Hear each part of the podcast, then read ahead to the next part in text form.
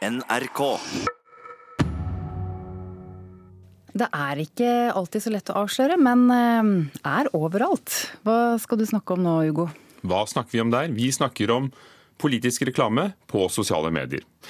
Teknologirådet har nemlig lyst til å forandre reglene for eh, politisk påvirkning eh, på internett, og da spesielt sosiale medier, før stortingsvalget i 2021. Vi har jo sett at det har vært viktige ingredienser i å avgjøre forrige presidentvalg i USA og under brexit-avstemningen i Storbritannia. I dag er TV-reklamen regulert, men eh, Teknologirådet, som altså er et offentlig råd, vil at norske velgere skal bli klar over den reklamen vi blir utsatt for, også på nettet.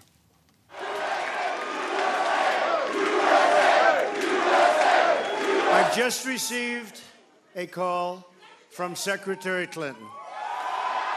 Donald Trumps smått ikoniske ord etter valgseieren var det endelige beviset på at USA hadde valgt han som sin president. Men det var også beviset på noe annet. I hvert fall hvis du spør det norske teknologirådet. Vi ser at både Trump-kampanjen og Leave-kampanjen i Storbritannia satser veldig sterkt på det digitale. Det sier Tore Tennø, direktør i Teknologirådet. Valgkamper har endra seg helt fundamentalt. Eh, Det vinnes ikke lenger eh, på TV, det vinnes på nett og sosiale medier. Og Det som er problemet med nett og sosiale medier, det er at du kan påvirke og manipulere folk uten at de har eh, får greie på det. Likevel er det kun på TV at politisk reklame er regulert. Det vil Teknologirådet gjøre noe med. Eller de vil at politikerne skal gjøre noe med det. Vil det si at dere egentlig vil lage nye regler for stortingsvalget i 2021? Ja, vi vil at eh, politiske partier skal gå sammen og formulere en del spilleregler for valgkampen. Det vi håper er at folk blir klar over når de får reklame. Mandag legger Teknologirådet ut fire punkter de mener må med i disse spillereglene. Kort fortalt handler det om merking av politisk reklame, åpenhet rundt hvor mye penger man bruker på reklamen og hvilke typer data man bruker, og innlede et samarbeid med Facebook og Google. Spiller vi ball over til politikerne og politiske partier, og de kan jo da foreslå en sånn bransjenorm, eh, som det heter, og spilleregler for valgkampen. Så det er det vi håper skal skje nå, da. Men når eh, du foreslår at de politiske partiene selv skal utvikle disse reglene, er ikke det litt sånn bukken og havresekken-problematikk? Jeg tror det er fornuftig at de, de gjør det sammen, og gjør det sjøl nå i første omgang. Vi trenger ikke noe lov på det. Men det de vil jo passe på hverandre også, da. Jeg syns det er en god intensjon. Og så er man et stykke unna å ha et, eh, et regelsett og et, en tilnærming som jeg tror vil gi den garantien som man er ute etter. Det sier Torgeir Waterhouse i bransjeorganisasjonen IKT Norge. Han er glad for at Teknologirådet tar politisk markedsføring i sosiale medier på alvor, men hva med de som ikke bryr seg om reglene? Men mye av utfordringene her handler også om de som ikke har tenkt å følge regelverket uansett. Så det er viktig her med en brei tilnærming og fokus på hvordan man kan bruke nettet og ikke til politisk reklame. Hvis man viderefører sammenligning med TV som Teknologirådet selv gjør, så, så har man ikke nasjonal kontroll på internett sånn som man har på TV-sendingene i Norge. Så bare der står man overfor noen ganske betydelige utfordringer. Tenne i Teknologirådet tror likevel at disse reglene kommer til å være på plass i 2021, men understreker at dette bare er starten på debatten. Ja, jeg tror det vil tvinge seg frem, og jeg tror det vil være fornuftig å begynne det arbeidet nå. Dette her er kjør debatt fra vår side. Og reporter var Daniel Eriksen. Til glede for alle som eh, enten koste seg med det før, eller har oppdaget det nå etter overgangen til DAB. FM-radio kan få ti nye år, og det er lokalradioene glad for. og Det er Klassekampen som skriver om det i dag. Kulturdepartementet har bedt Medietilsynet vurdere om eh, lokalradioene kan forbli på FM-nettet frem til 2031. Knut Øyvind Hagen, kulturreporter, er det kommet reaksjoner? Ja, lokalradioer over hele landet er ikke overraskende både håpefulle og entusiastiske. Daglig leder i Radio Sotra, Rolf Øvretveit, sier at han håper virkelig dette blir resultatet. Det ville vært helt fantastisk. Det er jo sånn at alle riksdekkende radiokanaler og kommersielle kanaler i storbyene måtte gå over til DAB i 2017, mens lokalradioene fikk lov til å bli på FM-båndet fram til utgangen av 2021.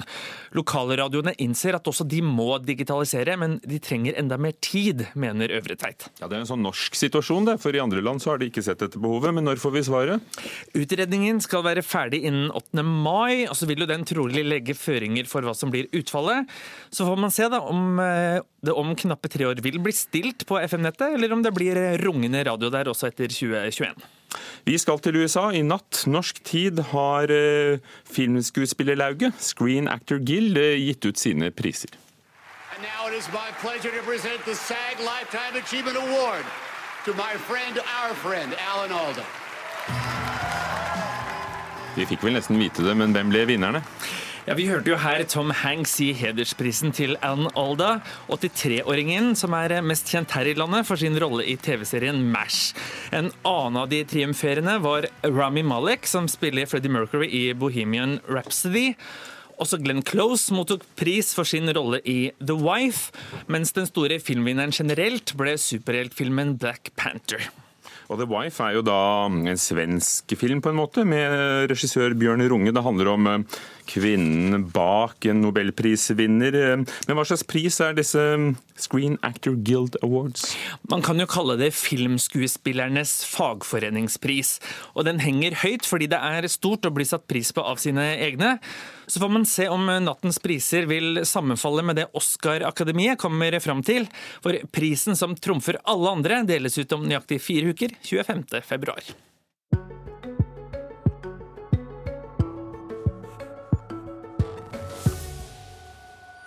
Faust, en milepæl i kulturhistorien. Goethes store verk.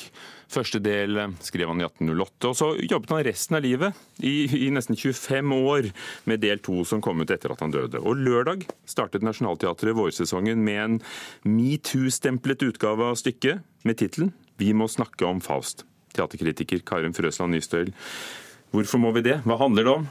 Ja, Hva det handler om Faust, det er jo et gedigent verk, som, som du sier. Men sånn i ei setning da oppsummert, så handler det om en mann som selger sjela si til djevelen i bytte mot all verdens kunnskap. Um, og her på Nationaltheatret er det denne første delen av fortellinga de har tatt tak i. Og sentralt er da Faust sitt begjær når han ser 14 år gamle Gretchen og sier til Mefisto djevelen 'hun vil jeg ha'. Eh, han får henne, han utnytter henne, han får barn med henne, får henne til å drepe dette barnet, og til slutt så dør jo Gretchen og, og redder han på et vis. Eh, den gang så gikk det inn i samtidas kultur som i en debatt om barnemorderske, men nå i dag så snakker vi mest om hvordan Faust bare forgriper seg, hvordan han tar det han vil ha. Og det øyeblikket der han eh, inngår denne handelen, det, det hører vi her. Hender vil jeg ha! Hun der! Hun der, hun. Hvis ikke jeg har det deilige lille blodet mellom armene i løpet av dagen, så har vi ingen avtale. Ja, jeg skjønner det, men det der kommer til å bli litt stress. Hun er 14 år gammel, og dette her, det er ikke bare å skaffe Gå, henne. gå, skaff henne til meg! Ja, ja, ja, jeg skal fikse det. Jeg bare sier at vi er nødt til å være litt smarte. Ok, dette her tar litt tid. Vi må knuse henne. Nader Kademi som Mefisto, djevelen altså, og Mats Austdal som Faust. Kort sagt, er det en god forestilling? Kort sagt så er det en kaotisk eh, forestilling. Det er veldig mye fint der. Det er mange vakre scener. Visuelt er det helt nydelig til tider å se på. Og til tider så er det veldig gode sekvenser, veldig gode monologer underveis. Men det er ikke den Faust du leser om i boka, for her har regissør Torleifur Ørn Arnason og dramatiker Mikael Toffason dekonstruert Faust. Altså plukka fra hverandre hele, hele stykket og tatt inn ny tekst. Satt det sammen på en ny måte for å gjøre det til, eh, til et samtidig verk. De bruker Jordan Peterson, og de bruker ja, masse annen litteratur. Så det er et, eh, ja, et feministisk betont prosjekt, kan man jo egentlig godt si. Eh, patriarkatet skal avskaffes eh, i regi av en mannlig regissør og en mannlig dramatiker. Da. Eh, men jeg tar meg sjøl i å tenke OK, hvor mange åpne dører skal man slå inn rent tematisk her? Jeg, opplever ikke at jeg får så mange nye tanker underveis. Um, men meninga er heller ikke det. Meninga er at vi skal snakke sammen, vi skal snakke om, om Faust. Og hva sier de? Hvordan diskuterer de Faust eller, eller mannen? da? De diskuterer mannsidentiteten, og de slår inn, som sagt, syns jeg, ganske mange åpne dører. Ehm, beste, de beste scenene er når det ensomme mennesket, altså det, det, det urmennesket, nesten får lov å tre fram og snakke uavhengig av om det er mann eller kvinne. Og så er det òg et kor med helt i starten av videregående elever som, som leser opp forestillinga sitt manifest. Og det er et kor som tiltar i styrke, og til slutt så står det liksom 40 17-åringer på scenen. Det er veldig sterkt, og jeg tenker allerede i starten der at hvordan skal forestillinga ta opp i seg den kraften, den energien som bare 17-åringer har. Det klarer den jo aldri.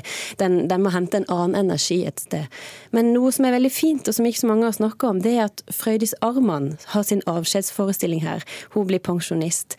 Og i spennet mellom hennes livserfaring og, og 17-åringens vanvittige hvitebegjær og kraft, i det feltet der så er alt mulig, både på scenen og i livet. Og det er kanskje ut fra det at man skal snakke om Faust. Må vi snakke om Faust, heter stykket på Nationaltheatret, og svaret er Vi må ikke snakke om Faust. Det er viktigere å snakke om hva det vil si å være menneske i verden. Og vi skal snakke om et stykke som eh, du merket deg allerede for en uke siden.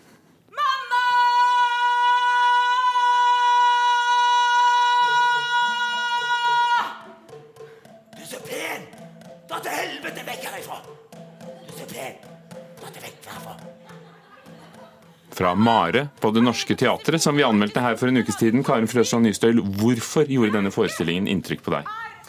Den gjorde inntrykk på meg fordi den åpner så mange rom i en urgammel fortelling. Og den sa meg så mye om det å være menneske i dag. Eh, både meg og, og Aftenposten sin teaterkritiker tenkte at dette, dette håper vi blir en kultklassiker. Lisa Lie, det er du som er regissøren og skaperen bak Mare, som bygger på Medea-myten. Um, ja, hva tenker du når du tydeligvis har nådd så mange med det dere har lagd på scenen? Ja, nei, det er jo veldig ønskelig, det, selvfølgelig. Men uh, ja, altså Ja, jeg vil jo at folk skal se det. Uh, men for deres egen del, ikke så veldig for min del, egentlig. Hvorfor tar du Medea-myten, 2500 år gammel, om um, ja, altså sånn som de fleste av oss kjenner den, om en kvinne som for å hevne seg på sin mann, Jason ja, som dreper sine to barn og rivalinne. Men, men det var kanskje ikke sånn? Altså, det her er jo et prosjekt som har Medea som en, en av mange figurer, men som vi har brukt som hele den myteverden som er rundt hun, har brukt som et sånn springbrett inn i andre ting. Fordi det er jo veldig mye interessant som ligger i den myten. Også, også i stykket, eller stykkene, så har du jo konflikten mellom gammel og ny tid, altså den mer sirkulære tidsforståelsen eh, som knytta til fruktbarhetsfestivaler og en helt annen type, et helt annet type liv. Da, og eh, sannsynligvis også maktstruktur. Og så har du jo da bystatene som begynner å komme, og også hvilke guder som byttes ut i den prosessen. Hva det er som til slutt leder til opplysningstida, det dette klare apoloniske lyset. Eh, som kanskje blinder oss også. Fordi det jeg eh, i utgangspunktet begynte å se på, det er veldig mange år siden, så, jeg en artikkel om en eh, kvinne som hadde hoppa fra balkongen i Tyskland med to barn. Jeg syns det er helt jævlig um, å, å, tenke på, men uh, samtidig så er det også veldig fascinerende. Og så tenker jeg at vi må være ærlige. Vi må være liksom tro mot våre besettelser hvis vi skal klare å finne snev av sannhet uh, i hvordan vi forholder oss til verden, og hvordan vi tenker om relasjonen mellom indre og ytre virkelighet. Sånn at um, jeg tenkte, hvorfor står det aldri noe mer i de her sakene? Hvorfor er det bare Alt skal være så underforstått, men jeg forstår ikke det. Hvorfor er det ingen som graver i det? Hva er det som har skjedd? Uh, I sånne type ting så er det bare en liten notis, og så går du videre. Og hvorfor tenker du at teatret er stedet for å, for å grave i det og få det frem?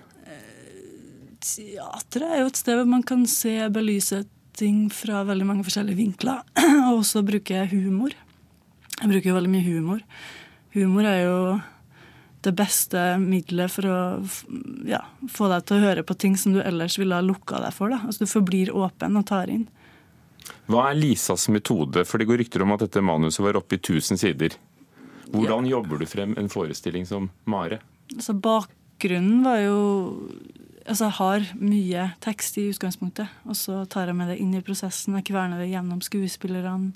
Eh, så jeg nå- altså, merker jo Alt blir en del av den verden som vi skaper sammen. For å skape verket sammen med skuespillerne også. Og med teamet, kunstneriske teamet. Eh, Lyd og lys og scenografi. For du er litt mer enn en regissør. Ja Skal jeg svare på det? Altså, Jeg er jo ikke med på scenen i det her stykket. Så i det stykket her så er jeg dramatiker og regissør. Men ofte så er jeg også skuespiller. Men Medea og Mare er noe vi fortsatt kan bruke. Ja, det er det absolutt. Jeg syns det er høyst aktuelt. Og også, altså vi har jo, utvida det til ikke bare være Medea, men også en sånn slags eh, mor. Hva, hva som skjer når mamma blir lei av det. Og tar livet av Vi lar det være siste ord. Takk skal du ha, Lisa Lie, regissør blant annet.